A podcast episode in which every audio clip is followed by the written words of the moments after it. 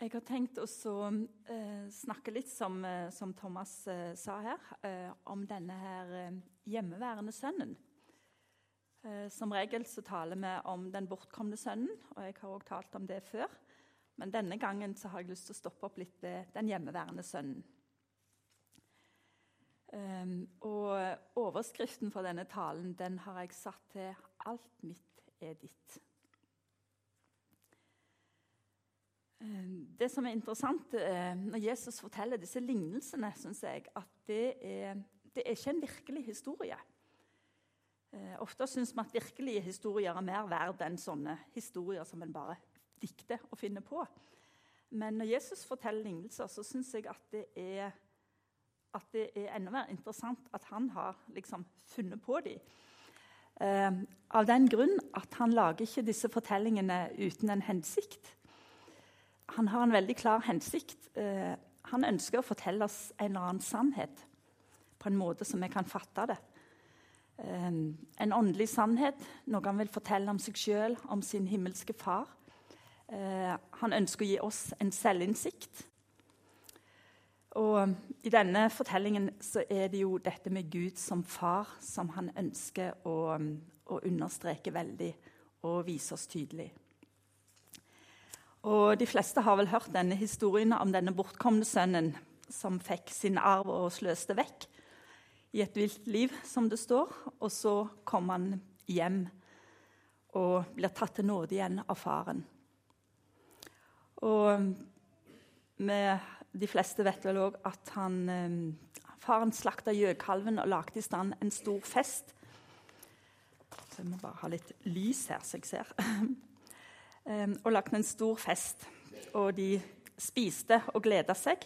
Og faren sa tenk denne sønnen som var død, han er blitt levende. Og så står det at Og så begynte festen og gleden. Og hvis du er av de som liker bøker som har en lykkelig slutt, så er jo dette her en glimrende slutt på en fortelling. Og så kan vi jo spørre oss hvorfor slutta ikke Jesus der? Det var jo en helt utmerket slutt. Alle var glad. Men han hadde med et stykke til. Og da begynte han å fortelle. Imens var den eldste sønnen ute på marken. Da han gikk hjemover og nærmet seg gården, hørte han musikk og dans.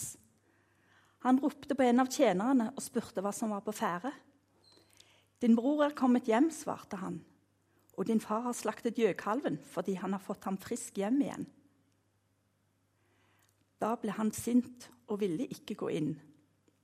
Faren kom ut og prøvde å overtale ham, men han svarte. Her har jeg tjent deg i alle år, og aldri har jeg gjort imot det du sa. Men meg har du ikke gitt så mye som et kje, så jeg kunne holde fest sammen med vennene mine.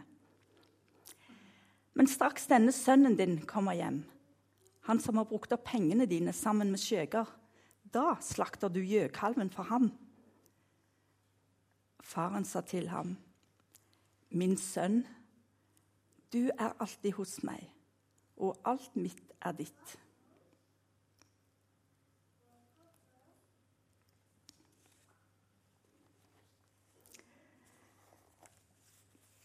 Hvis vi tenker at den andre slutten på denne fortellingen var at denne hjemmeværende sønnen var sint og sur og misunnelig, så er jo det egentlig en ganske tragisk slutt på fortellingen. Men det er ikke det Jesus ønsker å slutte med. Han vil fortelle enda noe mer. Han vil fortelle at denne faren klarte å møte sønnen med kjærlighet. Og han viser jo her Jesus eh, at han tar ikke bare imot denne bortkomne sønnen som kommer hjem, men han har òg forståelse for alt det som rører seg i vårt indre. At livet er mer sammensatt og komplisert enn som så. At så begynte festen og gleden, og så var alle glad. Jesus ser hvert eneste menneske og hva som rører seg inni hver eneste en av oss. Og dette her med misunnelse det var ikke ukjent for Jesus. Han visste at det var noe som vi mennesker kan slite med til tider. Og Kanskje du òg har hørt fantastiske vitnesbyrd om mennesker som har virkelig levd et hardt liv. Og så har de fått en plutselig omvendelse. Eh, det skjedde bare noe helt fantastisk, og så er livet bare snudd opp ned. Og de er bare så strålende og så begeistra for det Jesus har gjort. Og de får komme fram her og vitne og fortelle om dette her. Og så sitter du og tenker at ja, her har jeg vært kristen hele livet. Og sånne fantastiske ting har ikke jeg opplevd. Jeg syns i grunnen det er litt sånn kjedelig å være kristen.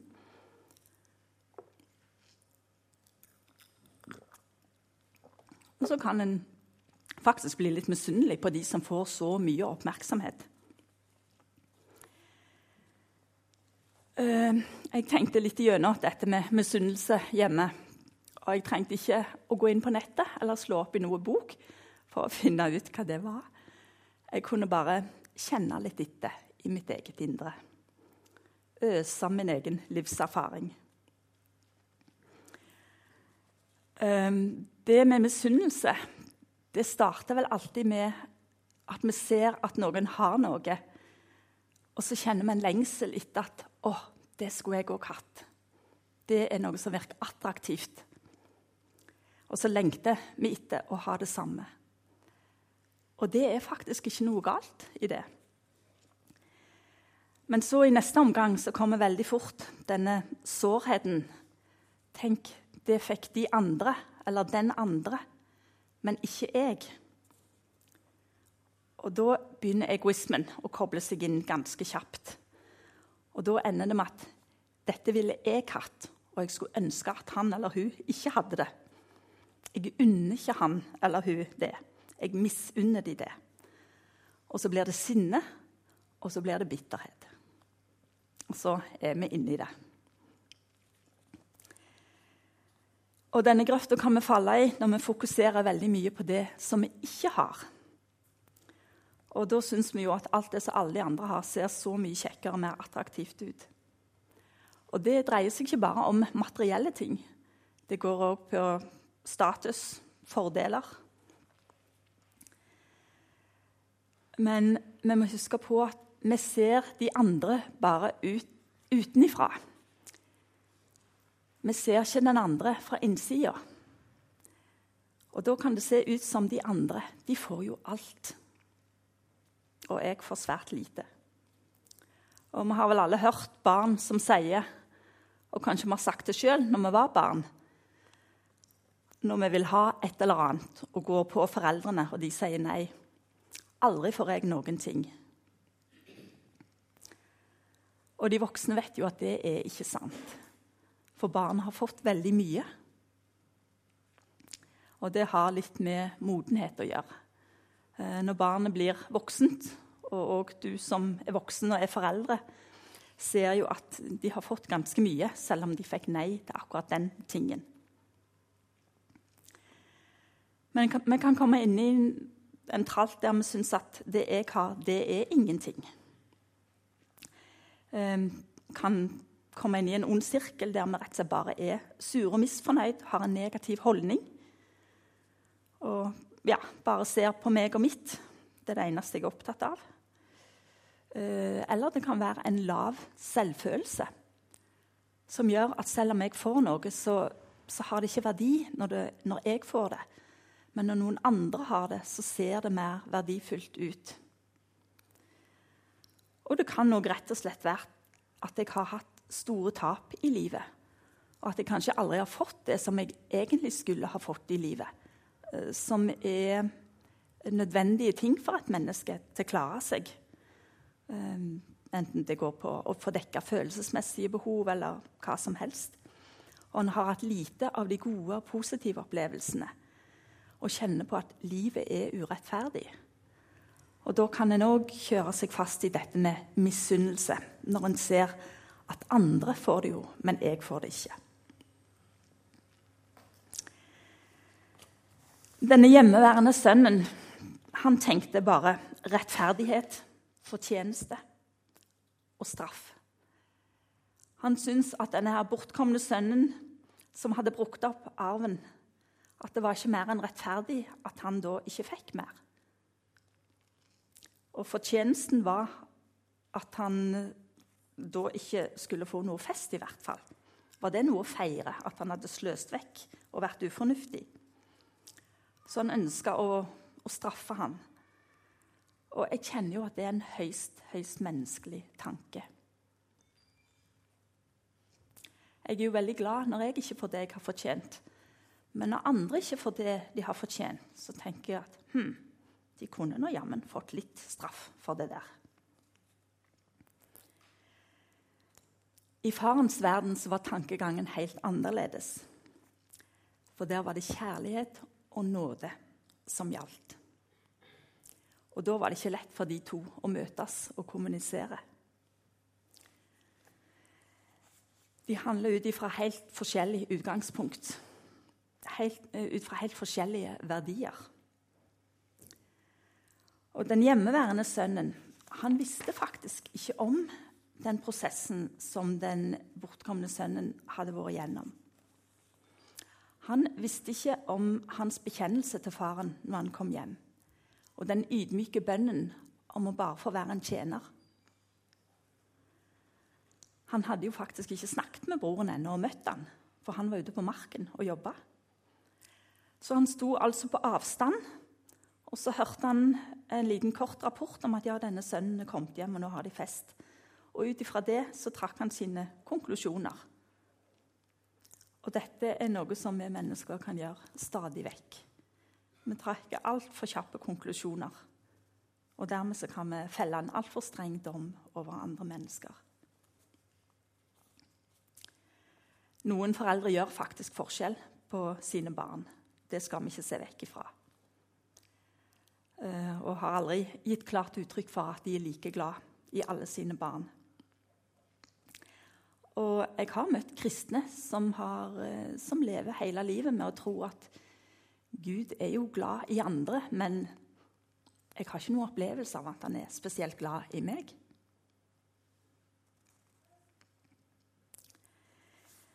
Når jeg har forberedt meg til denne her talen i sommer, så um, er det en sang som har blitt veldig aktuell for meg.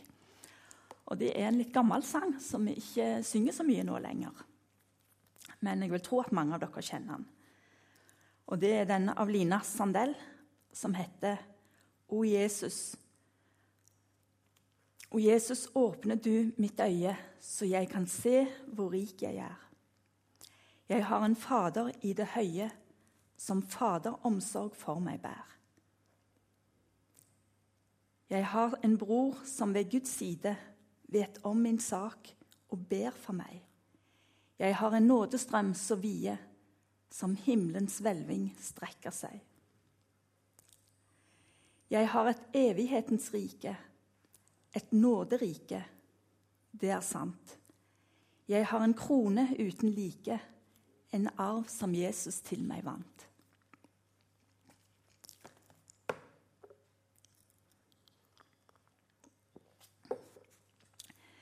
Sangen er skrevet på 1800-tallet og de hadde litt andre måter å formulere seg på enn vi har i dag.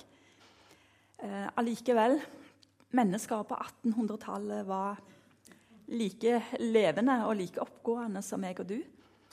Og hadde i aller høyeste grad sine åndelige erfaringer og kjente Jesus. Så eh, hvis vi ser bort fra de litt gammeldagse formuleringene, så ser vi at her er det en kvinne som virkelig har sett noe i den åndelige verden. Og Jesus vil virkelig åpne øynene for oss. Men noen ganger så er ikke vi villige til å gi slipp på det som hindrer oss. Og dette med misunnelse er noe som kan stenge igjen våre øyne og vårt hjerte, sånn at Jesus ikke får komme til å vise oss det som vi vil se. Og vi skal legge merke til det at når sønnen utøste sin misunnelse og sin bitterhet, så irettesatte ikke Jesus han. Eh, faren sa ikke at 'nå får du skjerpe deg', eh, eller 'nå må du jammen se å legge vekk den der misunnelsen', for det bare ødelegger for deg. Tvert imot så møtte han han med kjærlighet og sa at 'min sønn, du er alltid hos meg'. Og i det så ligger det en kjærlighetserklæring og en glede over at han har denne sønnen. Tenk, du er min sønn, og det gleder jeg meg over. Og så sier han, du får ingenting før du blir litt mer hyggelig å bli. Han bare sier, og alt mitt er ditt.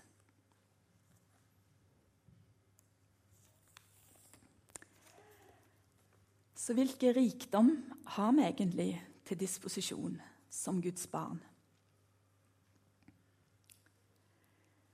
Ehm, jeg husker For noen år siden så hadde oasebevegelsen som motto på et sommerstevne, tror jeg, at Gud har mer å gi. Og så var det andre fra andre kristne leirer som gikk eh, imot det og sa at det er ikke helt riktig teologisk sett. Gud har ikke mer å gi, for han har allerede gitt oss alt i Jesus. Når vi tok imot Jesus, så fikk vi alt i han. Så hva skal vi tro på av dette her, da?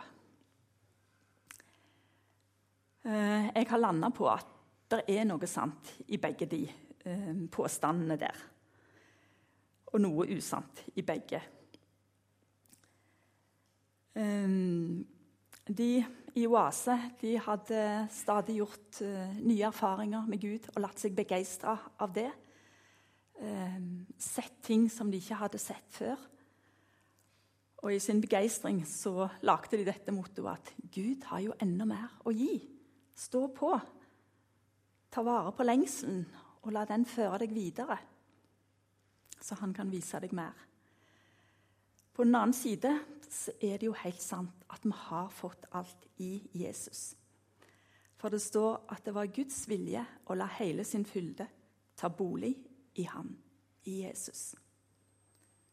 Og det står at av hans fylde så har vi alle fått. Men hvis det at vi har allerede fått alt, blir som en brems, en stopper At du trenger ikke søke, du trenger ikke lengte etter noe mer, du har alt og ferdig med det, så kan det bli feil. Fordi at selv om vi har fått alt, så fatter vi ikke alt. Det er mye vi ikke har sett klart ennå. Og det kan vel kanskje sammenlignes hvis du får en gave som er innpakka med papir og bånd og det hele. Så må du nødvendigvis pakke opp den gaven for å se hva som er inni og for å kunne glede deg over den og ta den i bruk. Eh, hvis du ikke pakker den opp, så kan du gå og lure på hva som er inni. Men du har den jo. Den er jo din.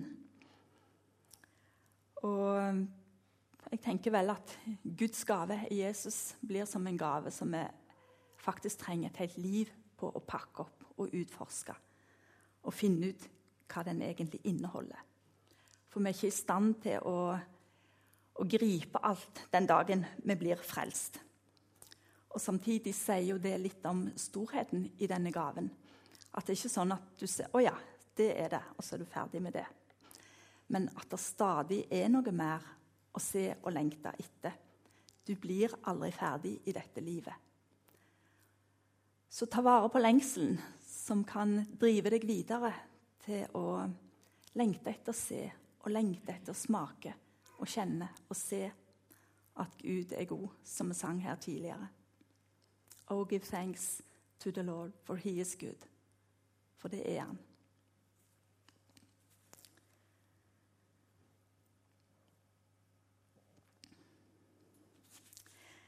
Det står i denne sangen her jeg har, jeg har et evighetens rike, et nåderike det er sant. Og du lever faktisk i et nåderike når du har tatt imot Jesus. Og det er vel kanskje det største vi kan si om Gud, at han er nådig. Og det hadde ikke hjulpet oss så mye om vi visste at han var både fullkommen og allmektig og hellig og full av kraft. Hvis han ikke var nådig og hadde bøyd seg ned og tilgitt oss og tatt imot oss og gitt oss adgang til alt dette. Da ville han forblitt en fjern gud, en opphøya gud som levde langt ifra oss mennesker, og som ikke hadde sjans til å nærme oss om vi ville dødd i vår synd.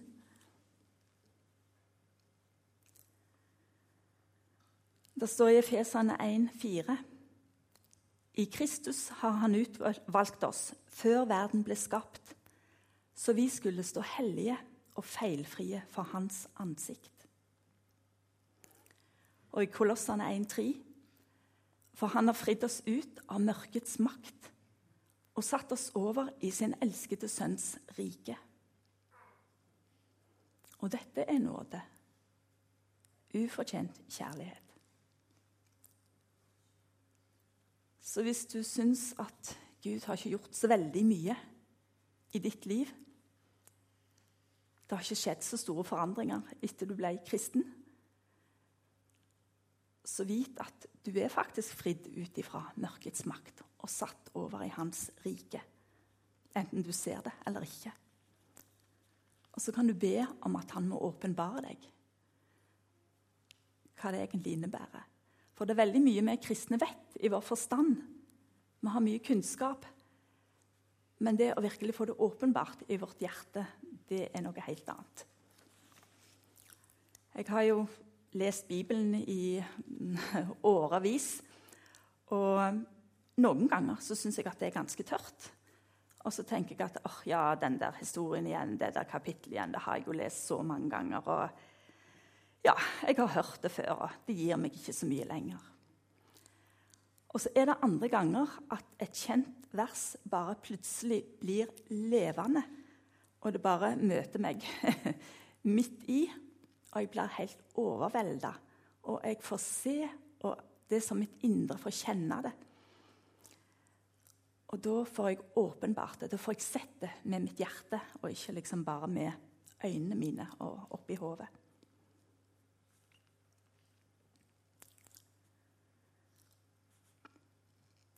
I sangen her i et vers så står det òg Jeg har en bror som ved Guds side vet om min sak og ber for meg. Det er faktisk en del av det å være kristen. At du kan få lov å be sjøl. Men faktisk så går Jesus òg i forbønn for oss. Og Den hellige ånd går i forbønn for oss. Roman 8, 34 Kristus Jesus døde. Ja, mer enn det. Han sto opp, og han sitter ved Guds høyre hånd, og han går i forbønn for oss. Har du noen gang opplevd at ting bare legger seg til rette uten at du egentlig har kommet så langt at du har bedt om det? Og så tenker du åh, hvorfor skjedde dette? Dette var jo, det var jo helt perfekt at det ble sånn. Og jeg har jo mest ikke bedt om det engang. Da tenker jeg at hm, kanskje Jesus har bedt for meg. Kanskje Den hellige ånd har gått i forbønn for meg. Pluss det at det står òg at Gud vet hva vi trenger allerede før vi har bedt han om det.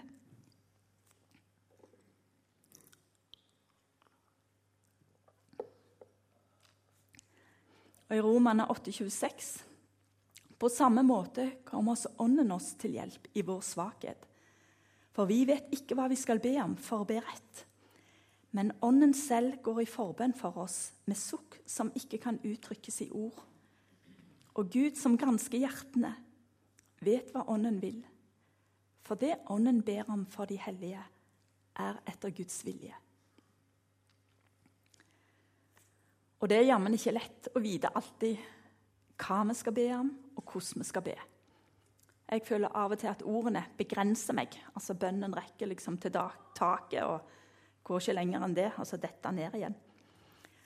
Og Noen ganger så kan jeg bli litt trøtt av mine egne ord. Og tenker at åh, kunne jeg bare bedt på en måte som virkelig trenger gjennom i åndens verden og få uttrykt meg skikkelig. Og så blir jeg litt frustrert over denne menneskelige begrensningen min. Og Noen ganger så har jeg klart å falle til ro og finne hvile nettopp i dette at ja, Men når jeg ikke klarer det, så går Jesus i forbønn for meg. Og da kan jeg hvile. Han vet hvordan han skal uttrykke seg. Den hellige ånd uttrykker det som jeg ikke helt klarer å finne de gode ordene for. Vi må faktisk ikke greie alt sjøl bestandig. Vi må ikke være så flinke. Når vi ser vår begrensning, så kan vi la han overta. Det vil han veldig gjerne.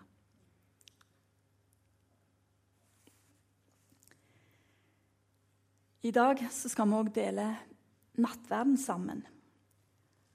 Og det er et synlig tegn på at Jesus har gitt seg sjøl for oss, med alt det som det innebærer.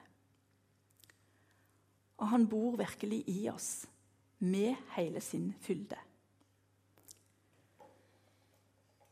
Han bor i oss med sin tilgivelse, med sin hjelp, med sin trøst, med alle sine nådegaver, med sin kraft, med sin rettferdighet og med sin hellighet.